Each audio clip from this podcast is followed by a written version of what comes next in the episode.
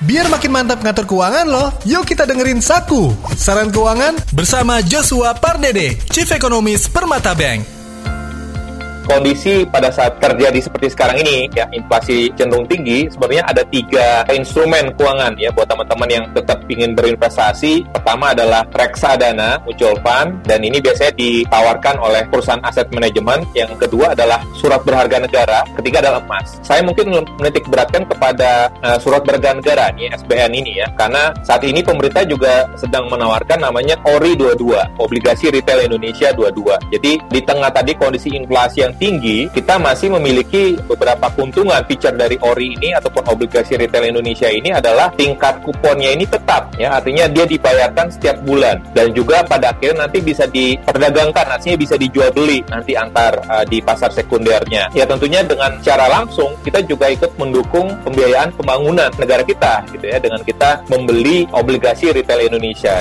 Itu dia Saku, saran keuangan. Dengerin terus Saku saran keuangan lainnya hanya di Motion 975 FM.